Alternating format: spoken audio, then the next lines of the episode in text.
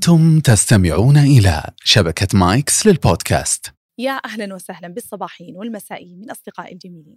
مرحبا بكم في حلقة جديدة من بودكاست كنبة السبت البودكاست الذي يحمل طابع نفسي واجتماعي وفلسفي في أحيان أخرى لوجهة واحدة وجهة الإثراء الممتع. مرحبا بكم في حلقة جديدة. أعتقد أنه واضح للي يشوف الحلقة مرئية أنه في استديو جديد. طبعا هذا استديو مؤقت فقط لأني في مدينة الدمام. أغلب اللي يعرفني من وقت طويل. في تويتر وفي في البودكاست خلال السنتين الماضية يعرف أنه أنا نشأتي وولادتي كانت في الدمام فالدمام بلد المنشأ. فأحبه جدا ويشبه أهله الحنونين الطيبين الهادئين المسالمين. طبعا أصور حلقة اليوم وفي شهر فبراير في عام 2023 ويؤسفني ما حدث صراحة في هذا الشهر وحبيت أنه فعلا يعني أعيد ذكره ولو أنه أمر يعني مأساوي الواحد ما يحب أنه يعيد ذكر المأساة إلا أنها مأساة يجب علينا أن نتذكرها حتى نكرر ونجدد التعاطف والمساعدة. ما حصل في تركيا وسوريا الزلزال اللي ضرب بقوة كبيرة إلى درجة أنه يعني صنع الكبير من الضرر أو الكثير من الضرر على كثير آه، من الناس. تشرد الكثير مات الكثير وجرح الكثير ويعني تغرب الكثير وفقدوا الأحبة أحبتهم وآلام كثيرة مؤلمة صراحة يعني شفناها وحادثة مؤسفة. نسأل الله يا رب أن يرحم موتاهم ويشافي جرحاهم ويساعدهم ويعاونهم في كل ما, ما يحصل وما سيحصل من غير شر.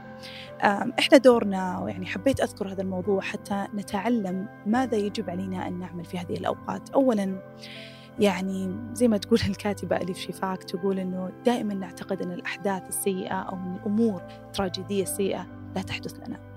يعتقد الإنسان أنه يا الله إيش قاعد يحصل لهم ويعتقد يعني وهو يتعاطف مع الآخرين يتخيل أنه مستحيل هذا الشيء يحصل. لكن في الحقيقة أي شيء ممكن يحصل أي شيء ممكن يحصل لك. وهذا مو تفا... مو تشاؤم ولا آه، خلينا نقول سوء ظن بالله لكن واقع. واقع. الله سبحانه وتعالى إذا أراد شيئا قال له كن فيكون سواء سيء أو أو جيد. ففي هذه الأحداث مهما كانت أفكارك مهما كانت توجهاتك يعني تأكد أنك تتعاطف مع البشر كلهم مع أنواعهم وأشكالهم وأجناسهم تتعاطف ب ب إلى درجة أنك تتخيل أنك أنت مكانهم. مهما كانوا مهما كنت تفكر عنهم. يعني للأسف من الكلمات اللي رأيتها مثلا ترى هذا عقاب هذولاك الجنسية هذيك ترى كانوا يسوون كذا وكذا فالله عاقبهم ولا ترى هذول الناس كانوا مثلا يعملون مثلا شيء معين ولذلك ربي جازاهم. فكلمة إنه عقاب من الله أو كلمة إنه هذا رد يعني أو زي ما يقولون كارما وزي ما سووا في الآخرين ربي أعطاهم أو سوالهم. كل هذا الكلام اللي اللي ما له داعي يعني يبعدك عن إنسانيتك ينسيك إيش معنى التعاطف الحقيقي اللي أنت بحاجة له. هذا النوع من العطاء اللي أنت بحاجة له تجاه كل البشرية، تجاه مجتمعك، تجاه الناس من حولك، تجاه نفسك وتجاه الآخرين واللي هو التعاطف هو شيء مهم جدا. حتى نكون وحدة واحدة فعلا. حتى تقوم الشعوب مع بعضها حتى تقوم المجتمعات مع بعضها. تبدأ بالتعاطف وبعدها تبدأ أنواع العطايا الأخرى. عطايا مادية عطايا معنوية وحتى الدعاء يعتبر من العطايا المعنوية لكن بداية تعاطف. تعاطف اشعر بالأسف تجاههم اشعر بالأسف للي قاعد يحصل لهم مهما كانت مشاعرك تجاههم. ثم ابدأ بالعطاء. بكل أنواعه الأخرى وأكيد أكيد من أهم أنواع العطاء اللي أنا أشوف أنها مهمة في هذه اللحظات أكثر من تداول فيديوهات وقصص وأخبار ما يحصل من مآسي آه، أو من عقبات أو عواقب هذه المأساة من الأفضل أنكم تتصرفون، من الأفضل أنكم تفعلون فعل بالفعل يساعدهم، مو فقط إننا نطالع ونحزن ونتأثر ونعيد نشر القصص هذه، لكن فعلا نعطي ويعني ما قصرت حكومتنا الرشيدة يعني صاحب السمو الملكي الملك سلمان الله يحفظه وسمو الأمير محمد بن سلمان الله يحفظهم. يعني أطلقوا هذه المنصة منصة ساهم لإغاثة المتضررين بزلزال تركيا وسوريا. وطبعا هي عبر مركز الملك سلمان للإغاثة. فهي بالتأكيد شيء موثوق. أنت تستطيع أنك تفتح الرابط حنحطه في وصف الحلقة وتس يعني ب Apple Pay حتى أو بالبطاقة يعني أنك يعني تتبرع بأي مبلغ لو 10 ريال 15 ريال ريال واحد. لا تستخسرون فيه يا جماعة. قد تنقذون روح بعلاجه بعد الله. قد تنقذون روح بأنكم يعني يصنع له ملجأ هناك يدفيه من البرد يحميه من البرد اللي قاعد يحصل لهم الآن هناك. فيعني لا تستبعدون أنه الريال الواحد فقط قد يحيي روح فمن ومن أحياها فكأنما أحيا الناس جميعا. يعني ساهموا وأعطوا وتعاونوا على البر والتقوى وتأكدوا أنه هذه العطايا ستعود لكم بكل خير في الدنيا والآخرة بإذن الله.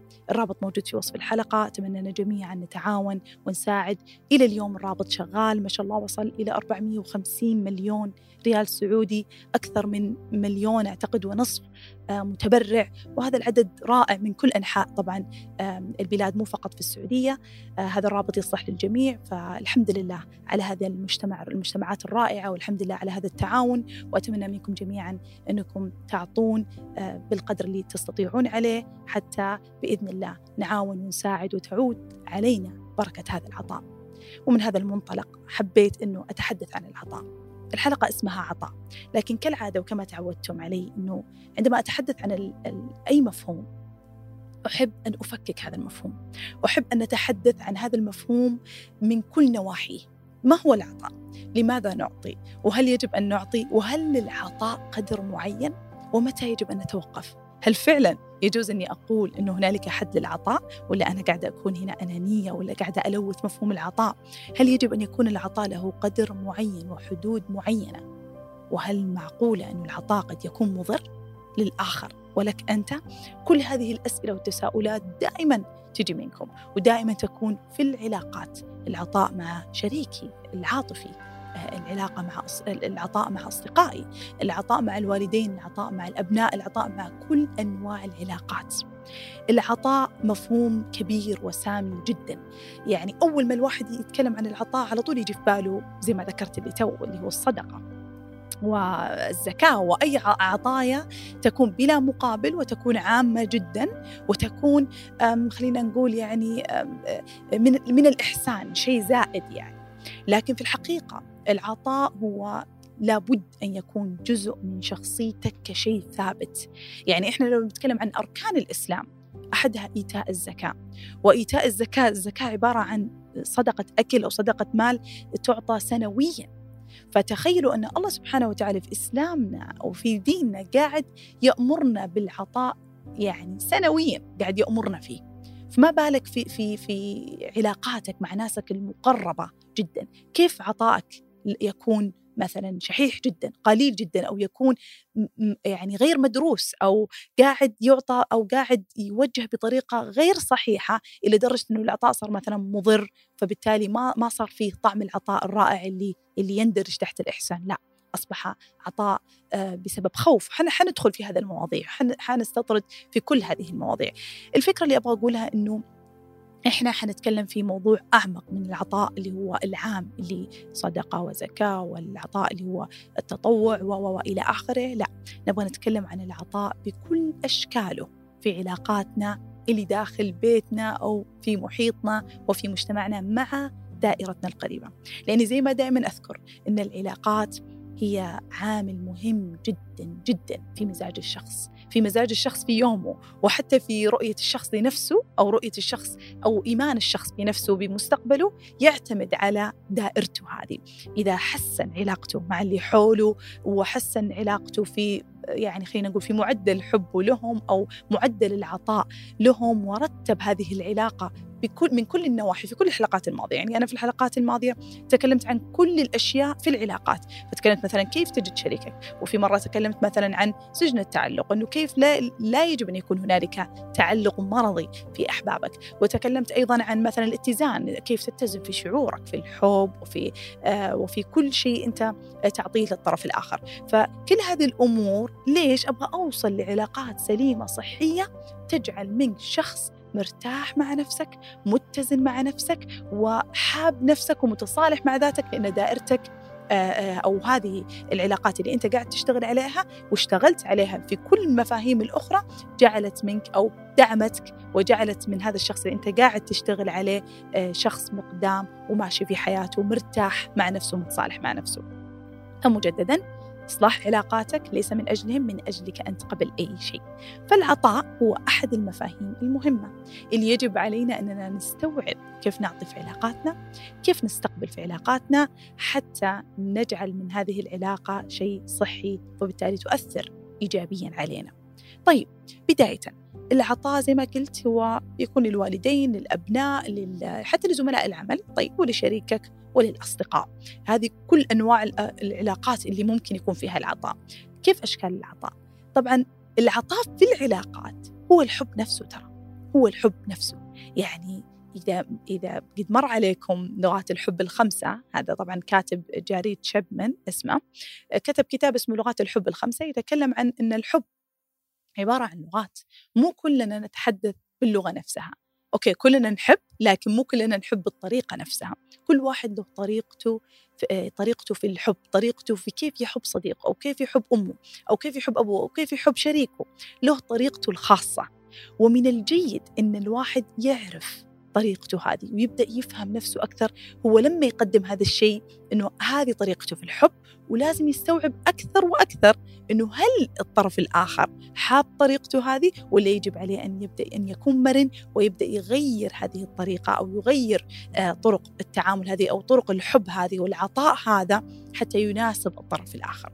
لأن في النهاية العطاء الفكرة منه الأساسية إسعاد الطرف الآخر وبالمقابل شعور جميل ورائع. في داخل ذاتك. فهو العطاء أساسه لا يفترض أنك أنت تنتظر مقابل أنت تعطي عشان تسعد. فهو مو مئة بالمئة بلا شرط لأنك أنت من الداخل أنت عارف أنك لو عطيت حتسعد. فهو مو مئة بالمئة على قولتهم unconditional غير مشروط. لا هو في شرط. أنت قاعد تعطي عشان تستانس. أنت قاعد تعطي حبيبك عشان تسعد. أنت قاعد تعطي أمك عشان تشوفها سعيدة فتسعد.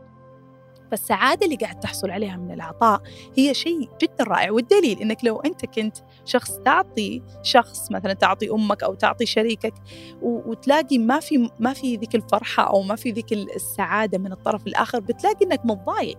تقول أنا أسوي هذا الشيء عشان أسعدك ليش أنت مو سعيد؟ ليش أنت مو قاعد تسعد من عطائي فبتبدأ تتضايق. ف... فهذا دليل على إن العطاء هذا مشروط. أنت أنت تبغى تسعد بشوفته سعيد وهذا طبعا يعني شيء جميل. ما هو عيب إنك أنت تنتظر سعادة الطرف الآخر عشان تسعد. هذا من حقك. يعني ما هم الناس بعضهم تعتقد إنه لا لا يا فنان يعني وش انت تعلمينا إنه إحنا إنه إحنا نعطي ونراقب إنه هل هذا الشيء يسعدهم أم لا ولا كذا؟ لا إحنا نعطي ولا نفكر بالعطاء هذا إحنا نعطي وفقط لا لا لا لا نكذب على بعض. العلاقات كل أساسها هي يعني عطاء وأخذ. وهذا يعني عادي الواحد يؤمن بهذا الشيء. لكن الجميل في العطاء إن أخذك هو شعور فقط إنك أنت تبغى منه شعور فقط. ما تبغى منه مثلا أنت تهدي عشان يجيك شعور حلو. أنت تعطي مثلا خلينا نقول معونة أو مساعدة أو دعم أو جهد أو وقت عشان يجيك شعور فقط حلو من هذا الشيء. فعشان كذا درجة العطاء يعني درجة إحسان عالية وجميلة لأنها يعتبر ما فيها مقابل مشابه للمقابل اللي, أنت قاعد تعطيه أو الجهد اللي أنت قاعد تعطيه. لكن في نفس الوقت أنت في النهاية قاعد يجيك شعور حلو. طيب فأولا خلينا نعترف أنه العطاء هي عبارة عن أنا أعطي من أجل أن أخذ. ما هي مشكلة هذا الشيء ولا هو عيب ويجب علينا أن نعترف فيه حتى لا نقاوم ونضغط أنفسنا لما يكون في أوقات شريكنا أو الطرف الآخر آه، ما قاعد يعطيني شعور حلو أقوم أقول لا لا لا, لا المفروض أنا أعطي وأكمل ولا لي علاقة بإيش الشعور اللي قاعد يجيني الآن والشعور المو حلو اللي اللي قاعد يجيني مثلا صد منه أو قاعد يجيني برود منه أو قاعد يجيني مثلا دفع منه من من العطاء اللي أنا قاعدة اعطيه وأقول لا لا عادي أكمل عطاء لا لا لا. لا نسوي مجانين زي ما نقول. نركز بالضبط بإيش الشعور اللي قاعد يجيني بعد ما قاعد أعطي لأنه هذا الغرض الحقيقي من العطاء ولا بأس بذلك. طيب؟ طيب أنا شوية يعني استطردت ورحت بعيد عن موضوع لغات الحب. لغات الحب زي ما يقول جاري يقول لغات الحب الخمسة هي يعني خمس لغات وأنا متأكدة أن هنالك لغات أكثر وأكثر وهنالك يعني أمور أكثر لكن يعني ككاتب أنه سردها خمسة أنا صراحة حبيتها كثير والآن أعتقد في يعني في, في الانترنت في كثير كثير من آه، روابط ممكن تجدونها أو مواقع تجدونها آه، يعني تسوي لكم زي المسابقة بس مو مسابقة قصدي أسئلة. الأسئلة هذه تخليكم تصلون إلى إيش؟ لغة حبكم بالترتيب يعني. لغات الحب خمسة يقول لك إنها أحدها اللي هي ال quality time اللي هو الوقت اللي تقضيه مع الآخرين. يعني مثلا إنك تقضي وقت معاه هذه لغة حبك. وقت جيد يعني وقت ممتع. عندنا الكلمات التشجيعية والدعم. الدعم والسند والتشجيع بالكلمات أنت رائع أنت شاطر أنت قوي أنت بطل. هذه الكلمات هذه أحد لغات الحب. أيضا وعندنا اللي هي يسمونها اللي هي act of service اللي هي على قولتهم الفزعات. واحد يفزع. خليني أنا أساعدك كذا خليني أنا أسوي لك كذا خليني أنا تدري خليني أنا أروح أودي لك هذا وخلي فالمساعدة هذه اللي هي اللي فعلا جهد تكون فيها جهد هذه أحد لغات الحب. بعدين عندنا آه، طبعا اللي هو كلمات الغزل اللي هي كلمات الحب طبعا هذه مو فقط ترى مع الشريك العاطفي مع أي أحد مع الأصدقاء مع الأهل فتكون كلمات الغزل. وبعدين عندنا الهدايا. فهي كذا صارت خمسة. أنت أنت كشخص يعني جالس مع نفسك قول إيش ترتيب لغات الحب بالنسبة لي؟ أنا كيف أحب آه، أعطي الحب وكيف أحب أنحب؟ يعني إيش أفضل أنا؟ هل أنا أفضل أول شيء إنه مثلا إنه يكون الشخص اللي معايا يفزع لي ويساعدني ويدعمني، آخر شيء يهم الهدايا ولا لا والله أنا الهدايا بالنسبة لي هي رمز الحب، إذا الشخص ما أهداني أشعر إنه ما قاعد يفكر فيني مثلا. لا والله بالنسبة لي أنا كلمات الغزل إذا هو ما يعطي غزل فليش أنا مثلا ليش ليش أشك مثلا في حبه لو هو ما يعطيني كلمات غزل يمكن هو ما يحبني عشان كذا هو ما مو قادر يشوفني مثلا حلوة عشان كذا هو مو قادر يعطي كلمات غزل ف لغات الحب لما تختلف بين الشريكين أو تختلف بين الأبناء والأولاد أو تختلف بين الأصدقاء دائما يصير في هذا التشكيك في حب طرف في الحب في حب الطرف الآخر. ولذلك هنا نتعلم العطاء هذه. العطاء لما تجي أنت تعطي الحب يجب عليك أن تتعلم كيف تعطي وكم تعطي منه بأي قدر ومتى تتوقف عن العطاء حتى لا يصل العطاء إلى مرحلة يصبح فيها غير صحي ويصبح ضرر على العلاقة أكثر من كونه أمر جميل ويعني وحبل متين للعلاقة. فكيف نحب؟ كيف نعطي؟ نرجع أقول الحب هنا هو عطاء. أنت لما تعطي الحب زي ما قلت تعطي وقت أو تعطي جهد أو تعطي كلمات أو تعطي هدايا مادية أو تعطي اللي هو زي ما قلت كلمات الغزل وهذا اللي يحب الكلمات يعني. وطبعا عندنا يمكن ما ذكرتها ما أدري أنا ذكرتها خمس ولا لا بس لكن اللي هي اللمسات الجسدية وللاحضان والقبل هذه الأشياء تعتبر من لغات الحب أيضا. طيب فلغات الحب هي خمسة عشان نعيدها كذا ونرتبها مرة ثانية عشان ما نلخبطكم. هي إعطاء الجهد أو اللي هي الفزعات زي ما نقول إعطاء الوقت اللي هو ال quality time إنك تعطي وقت لآخر. عندنا التشجيع كلمات التشجيع وكلمات الغزل وعندنا اللي يسمونها ال physical touch أو اللي هي اللمسات والأحضان وأخيرا الهدايا. فجميل جدا إنك تعرف إيش اللغة اللي أنت تفضلها كيف تستقبل لأن لك الحق إنك تستقبل الحب كما تراه. لأن كل إنسان الحب زي ما يقولون subjective يعني شيء آه، كل واحد له مفهومه الخاص في الحب. فكل واحد له لغته الخاصة في الحب. فشخص يرى أنه لا والله إذا أنت قضيت معي وقت ولما أقول لك يلا نطلع كافي ويلا كذا وتيجي معايا وتطلع فمعناك أنت تحبني. لكن شخص آخر يشوف لا لما أنا أتورط ومثلا توقف فيني السيارة أو يصير لي مصيبة أنك أول شخص أدق عليك فهذا الحب الحقيقي. فهذه acts of service وبعضهم لا. والله إذا أنت تهتم تهتم فيا صدق وتحبني صدق ما تفوت لي birthday ولا ما تفوت لي مناسبة تخرج ما تجيب لي هدية فيها.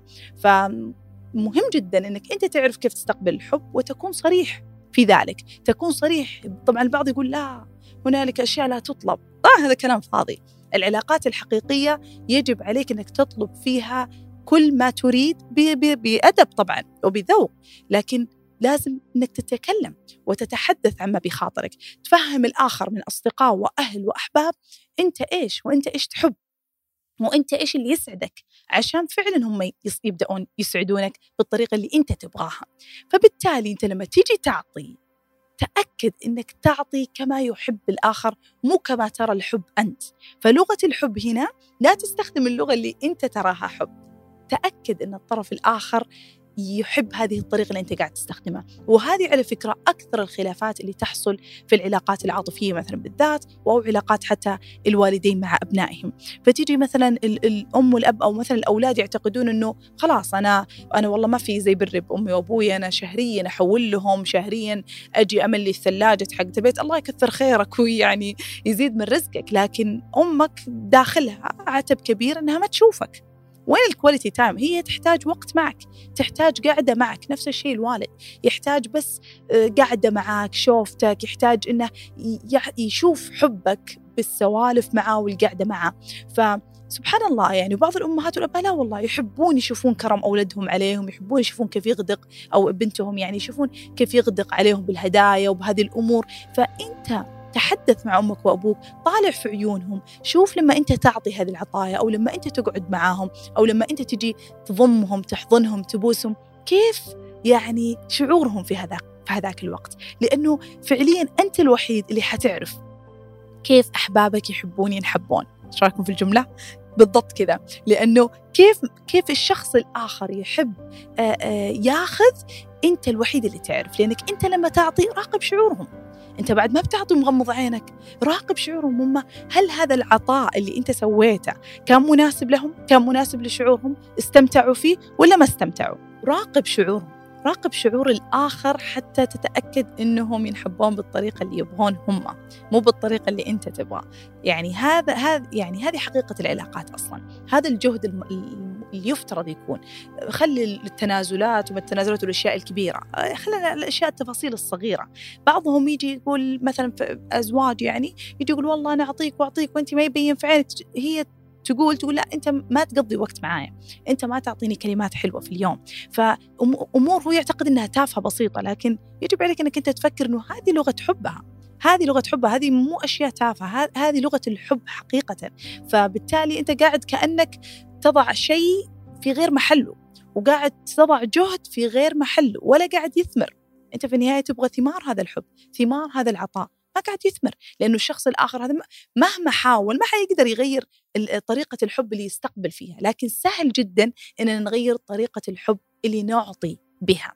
فالعطاء سهل إنه يقنن ويقلل ويقدر ويغير ويشكل لكن طريقة استقبال استقبال الحب هذا شيء خلاص من الطفولة يعني. أنت من أنت صغير استقبلت الحب بطريقة معينة وصورته بشكل معين من الصعب جدا أنك تفرح مثلا بالطريقة اللي أنت مؤمن فيها زي بالطريقة اللي أنت مو مرة مؤمن فيها بس من أجل شريكك. يعني مثلا أزواج زي ما قلت مثلا هو يحب يهدي مثلا وهي لا تفضل الوقت أنك تقضي معايا وقت. فمهما حاولت تقول لنفسها أنه أوكي لا هو ترى قاعد يهدي يعني هو يحبني هذه لغة حب. ومهما حاولت تسلك زي ما يقولون لا زالت بتتشكك في طريق في في حبك لأنها هي متعودة على أخذ الحب أو خلاص راسخ في مخها إن الحب هو قضاء الوقت الجيد سوية. فتأكد أنك تعطي هؤلاء اللي أنت تحبهم فعلا الطريقة اللي هم يحبون عشان ينحبون بأفضل شكل ويسعدون لأنه هذا هذه رغبتك أصلا أنت من, من العطاء وهذه رغبة رغبتك في في تحسين علاقتكم أو وصولكم إلى مزاج رائع وأيام رائعة بسبب هذه العلاقة الجميلة. فتأكدوا من هذا الشيء. من المهم جدا أننا يعني من هذا من من هذه النقطة ننطلق على فكرة لما قلت مزاج جيد وعلاقة جيدة نتأكد من قدر العطاء هل من المعقول أنه العطاء يجب يجب علينا أن نقننه نقلله أو نتأكد من مقداره؟ أنا بالنسبة لي أؤمن أنه أكثر العلاقات اللي خلينا نقول نقول السامة لكن العلاقات اللي فيها المضطربة اللي تكون غير متزنة. في الكفة. يعني في شخص قاعد يعطي بإفراط أو يهتم بإفراط وقاعد يسوي بشكل مفرط والآخر قاعد يستقبل فقط. وأحيانا لا ألوم المستقبل هذا. ليش؟ لأنه العطاء المفرط من الطرف الآخر زي ما يقولون كل ما زاد شيء عن حده انقلب ضده. لما كل ما أنت تعطي بإفراط أنت لا تدع فرصة للآخر لأن يستقبل ويسوي بروسيس عشان يعني يعني يدرك هذه النعمة. أو حتى يعني يفهم إيش اللي قاعد يجي ويستوعب إنه هذا العطاء مو الكل قاعد يعطي يتدلل زي ما يقولون. وهذا طبعا من ناحية مع شريكك أو لو أنت أنت أم أو أب مع أبنائك دائما سبحان الله الدلال يفسد. أي شيء أنت تسويه زيادة أنت ما بتطلع بالفائدة المرجوة من هذا العطاء. البعض يعتقد أنه هو قاعد يعطي عشان ينحب زيادة. بينما أنا دائما أقول أنه العطاء المفرط هو أصلا أصله خوف. أنت خايف. أنت تبغى الآخر يحبك فرضا غصب أو أنت تبغى الآخر الشخص الآخر هذا اللي قدامك إنه ما يبعد عنك أو ما يروح عنك. فكثير من الأمهات اعرفهم يدللون أبنائهم عشان أبنائهم ما يشوفون غيرهم ما يشوف ما يشوف أحد أفضل بالدنيا غيرك أنت يا ماما أو غيرك أنت يا بابا. وهذا شيء غلط. من حق الطفل إنه يكتشف الآخرين ويحب أصدقائه بقدر ما يحبكم ويحب آه يحب آه بعدين أولاد عمه ولا بنات عمه ويحب بكره زوجته أو يحب تحب زوجها. فبالتالي الخوف الشديد هذا بالعطاء القوي هذا والعطاء المفرط يدلل هذا الشخص. يجعله لا يفهم الاستقبال الحقيقي للحب أو حتى لا يفهم كيف يعطي لأنه ما أعطيته ما أعطيته أنت فرصة للعطاء، أنت قاعد تغدقه وتغدقه وتغدقه حتى فهم إنه هو فقط في هذه الحياة يستقبل ولم يتعلم كيف يعطي، فبالتالي أنت حرمته حتى تذوق العطاء حرمته جمال العطاء في العلاقات بكرة. وبكرة يتورط حتى في دخوله في العلاقات أنه يجد نفسه أنه هو الجزء اللي يعاتب والجزء اللي آه، يتهم أنه بارد ويتهم باتهامات كبيرة لأنه شخص لم يتعلم كيف يعطي. هذا طبعا إذا كان طفل وكبر وحتى لو كنت في علاقة عاطفية وكان الشخص اللي, أنت قاعد تعطيه بشكل مفرط. هذا المستقبل كان بارد و و إلى آخره. أنا أقول لك إنه جزء كبير من الغلط عليك.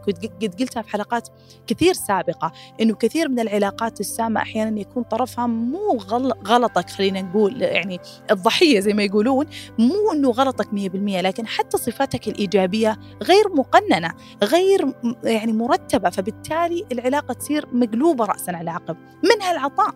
العطاء الزايد في العلاقات العاطفية دائما يرجع لك بكل سوء للأسف. أنت لازم تعطي بقدر أنت لازم تعطي بنوعية أنت لازم تعطي عشان تنعش وتعيش وتنعش العلاقة مو عشان تنجو وتهرب من من فكرة الهجران. يجب أن تعطي عن امتنان لا تعطي عن خوف. وهذه الجملة اللي دائما أكررها بكثرة أنه العطاء عن امتنان أهم بكثير ويصل للطرف الآخر. هذا الشعور أهم بكثير ويعني أكبر أكبر صفة يجب عليك يجب عليها أن تكون في في المحب أن تعطي بامتنان لا أن تعطي بخوف. لأنه العطاء بخوف والعطاء المفرط ينفر الشخص الآخر. ينفره لأنه يجد نفسه أنه مكبل إنسان قاعد يعطى وتعتقدون أنه الطرف الآخر المدلل مبسوط بينما هو لا ترى. هو محروم ولا يستطيع أن يعطي وهو فقط قاعد يغرق بمشاعر كثيرة كثيرة وراء بعض. طبعا زي ما قلت العطاء قد يكون بأشكال كثيرة مو شرط عطايا هدايا هدايا. لا زي ما قلت قد يكون الاهتمام الزايد المبادرات من طرف واحد قد يكون آآ آآ يعني آآ كل أشكال الحب تكون بشكل مفرط من طرف واحد إلى الطرف الآخر فالطرف الآخر ترى يكون ضحية كما أنت ضحية. فكثير من اللي يكلموني يقولوا لي طب دكتور إنه أنا ألاحظ إنه يعني بعد ما أطلع أندم إني أنا كنت أعطي وكنت أعطي وكنت أعطي ولا بان في عينه أو ولا بان في عينها. فأقول لا تلوم الشخص الآخر. هو هو تعود على هذا المنظر تعود على هذا العطاء المفرط إلى درجة أنه ما عاد يشوفه عطاء. يشوفه يقدر يسميه مسميات كثيرة يسميه خنق يسميه آم آم يسميه مثلا قيد آه، يعني تقييد يسميه آه، حبس سجن يسميها مسميات كثيرة إلا إلا تسمية العطاء. فبالنسبة لك الشخص المعطي يعني لما تيجي تبرر لهذا العطاء طب أنا كذا أحب طب أنا كذا أسوي أنا والله حتى أستانس لما أسوي كذا أنا أحب أهتم أنا تعودت على هذا الشيء أنا والله حتى أحب أهدي. يعني أتذكر في واحدة كانت تقول لي تقول لي طب يعني أنا إيش أسوي؟ أنا أحب أهدي أنا حتى وأنا أسوي الهدية أحس إني أسعد إنسانة في العالم. أقول لها طيب ممتاز هذه الطاقة الجميلة طاقة العطاء الرائعة اللي فيك لا تثبطينها لكن وجهيها روحي لدار أيتام. أعطي بروحي للجمعيات التطوعية والتطوع ضعي امسك عيال خواتك عيال أخوانك الأطفال أطفال في بيتكم. إذا انت عندك أطفال أعطي هذا لأطفالك بتوزع يعني بتوزيع آه، عادل مو فقط مثلا على شريك لشريكك أو لابن واحد. وزعي هذا الحب وزعي هذه الطاقة لأكثر من شخص. لا تهدرون طاقة العطاء العالية عندكم لشخص واحد فقط. أثقلته أنت. أثقلته لأن غصبا عنك غصبا عنك بيكون توقعاتك عالية تجاه هذا الشخص. لأنه أنا قاعد أعطيك كل هذا العطاء. كيف أنت ما قاعد تحبني بالطريقة اللي أنا أبغاها؟ كيف أنت قاعد مثلا نتها مثلا قاعدين نتهاوش وأنا قاعد أعطيك كل هذا العطاء؟ غصبا عنك بيصير بتصير الحسبة عندك. بتصير تحسب الأشياء اللي قاعد تعطيها. لأن العطاء هنا غير متكافئ في هذه العلاقة. ونفس الشيء مع الأبناء والأولاد. تجي أمهات والأباء يقول إحنا سوينا وسوينا وأعطيناك ودلعناك. كل شيء كنت تقوله كنا نقول تم. كل شيء كنت تبغاه. وإحنا نعطيك إياه. والحين تسوي كذا وكذا. والله ما حد قال لكم. ما حد قال لكم كل شيء أبغاه تقولوا لي إياه تم. فغصبا عن الواحد لما يكون يعطي بشكل مفرط بكرة حيعاتب وحيندم. لأنه أي شيء زيادة عن حده بينقلب ضدك. انتهى. هذه قاعدة حقيقية يعني. ولو تحطونها في كل شيء في حياتكم حتجدونها فعلا. حقيقية. فبالتالي العطاء بقدر مهم جدا وإذا رأيت أن عندك طاقة عطاء عالية وقوية ولا أقولها باستهتار أنا أقولها حقيقة. وجهوها ضعوها في الأماكن الصحيحة. أنتم ربي أعطاكم هذه القوة. ضعوها في الأماكن الصحيحة. وجهوها لعدة أماكن. ولا تضعونها فقط في شخص واحد. حتى لا يخاب ظنكم وحتى لا تكتمون الطرف الآخر. وحتى لا يصبح هنالك توقعات وتسوء علاقتكم وتسوء حتى علاقتكم مع نفسكم. كذا نقول إنه يجب علينا أن نفهم إن العطاء يجب أن يفهم كيف يعطى بشكل مناسب للطرف الآخر ومن المهم أننا نعلم أنه يجب علي أن يكون بقدر متكافئ. هذا لا يعني أني أنا أحسب كم أعطيت وكم أخذت عشان يعني ما أعطي إلا لما أستقبل. لا العطاء أنت لما تعطي بامتنان وتكون أنت حاب نفسك محترم شخصيتك عندك الاستحقاق الكافي لتؤمن أنك أيضا لك الحق في أن تستقبل ستعلم متى تتوقف عن العطاء.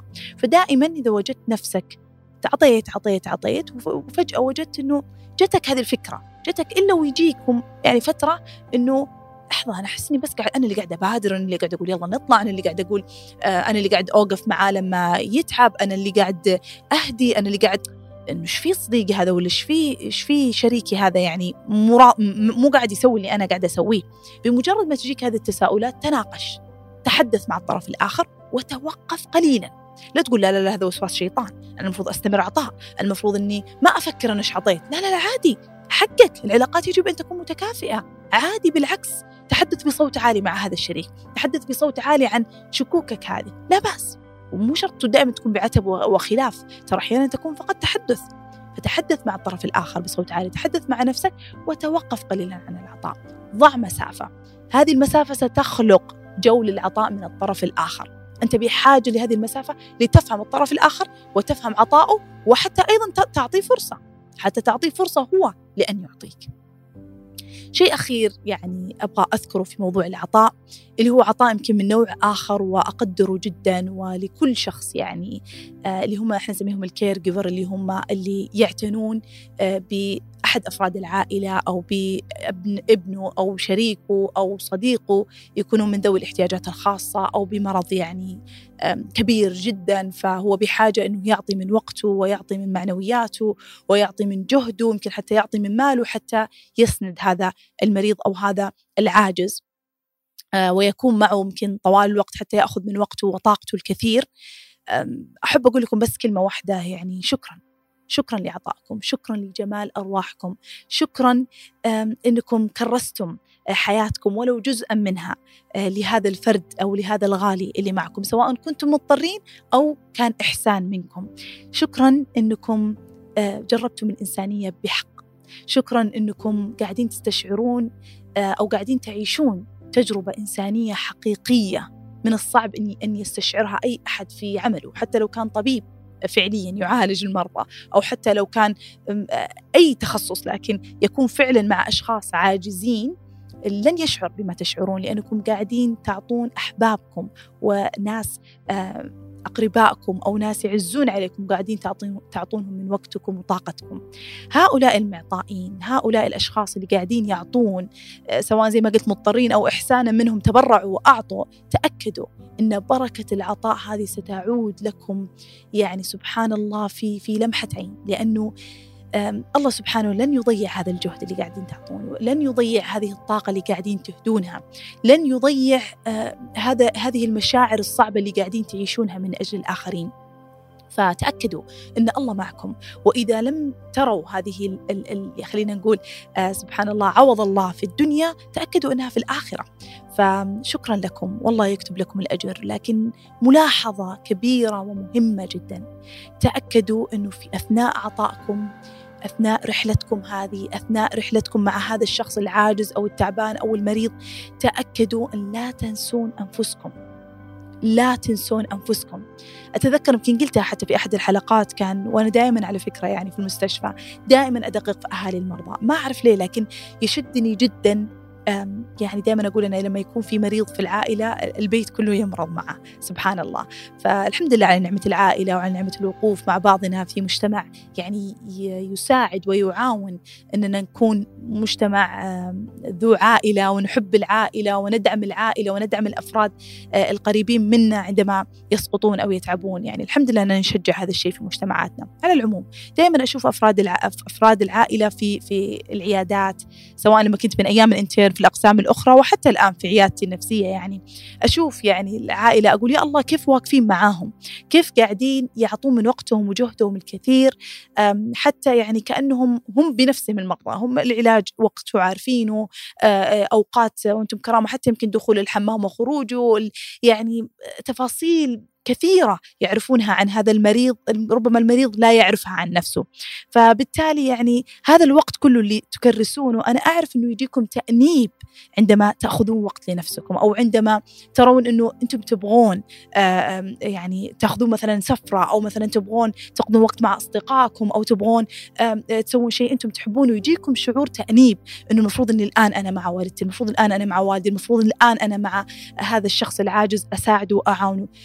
تأكدوا أنه كل ما أعطيتم أنفسكم كل ما كنتم أقوى كل ما كنتم أقوى من أجل هؤلاء. زي ما ذكرت إنه في أحد الحلقات ذكرت يعني أحد ال ال يعني كان جاي عندي يعني مصاب بالاكتئاب والقلق وكان أحد الأسباب يعني إنه والدته تعبانة جدا جدا فكان يسمعها يقول أسمعها تبكي وأسمعها كذا. يقول فاحيانا لما أخلي الممرضة معاها وأطلع ساعتين بس ساعتين أدور بالشارع بشاهي مع صاحبي يقول أفكر فيها باستمرار ويجيني شعور تأنيب عالي إنه أنا أمي يمكنها يمكنها الحين قاعدة تصارخ يمكنها قامت من النوم وقاعدة تتألم كيف أنا أتركها. فدائما أقول تأكد إن إن إن هذه الساعتين اللي أنت قاعد تعطيها لنفسك هي في الحقيقة مو فقط لك ما هو أمر أناني هي شيء لك ولها. لأنه مهما كان الشخص المريض التعبان يريد أيضا أن يراك غير مثقل به لا يريد أن يرى أنه هو ثقل في حياتك. مهم جدا أنكم تنتبهون أنه الشخص المريض اللي أنتم تعاونونه ترى يريد أن يرى أنك أنت عايش حياتك.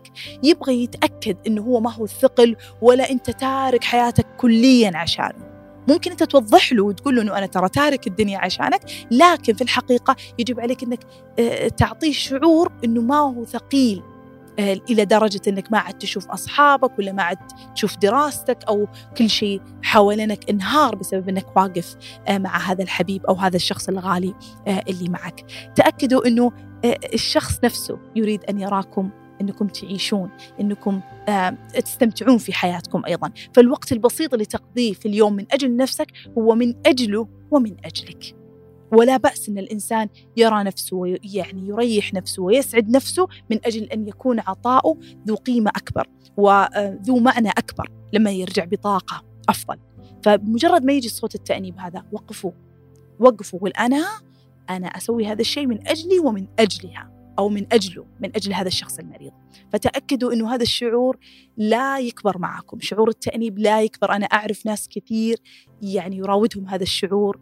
ف حبيت إنه أنوه على هذا الأمر إنه هذا التأنيب طبيعي إنه يجي لكن آه، ليس من الطبيعي إنه يتكرر ويكون دائما معك إلى درجة إنك فعلا تجد نفسك في النهاية تسمع له وتبقى على طول آه، آه، بانعزال تام وتارك الحياة كلها من أجل هذا الشخص، هذا النوع من العطاء مضر جدا لك ولو كشخص مستفيد لأنه سيرى الثقل عليك وسيرى طاقتك وهالتك اللي هي المثبطة والمحبطة والتعبانة. يجب عليك أنك أنت تنعش طاقتك من أجله من أجل ترجع له بطاقة قوية وتعطي بطاقة أفضل. فأخيرا العطاء يعني يعني صفة جميلة مليانة إحسان مليانة كرم مليانة صفات جميلة. العطاء مفهوم كبير مليان صفات كثيرة. لكن سبحان الله الشخص لما يعطي بدون بدون أن يفكر وبدون أن يوجه وبدون أن يفهم ما معنى العطاء أو يمشي بمفاهيمه المغلوطة للأسف كل الصفات الإيجابية هذه لا تظهر للشخص الآخر ولا تسعد الشخص المعطي نفسه. فأتمنى أن حلقة اليوم رتبت الأمور ووضعت العطاء في مفهومه أو في مكانه الصحيح من أجل أن نعطي بقدر من أجل أن نعطي بنوعية من أجل أن نعطي عن امتنان وليس عن خوف. أتمنى الحلقة استفدتم منها وإلى سبت قادم وإلى اللقاء.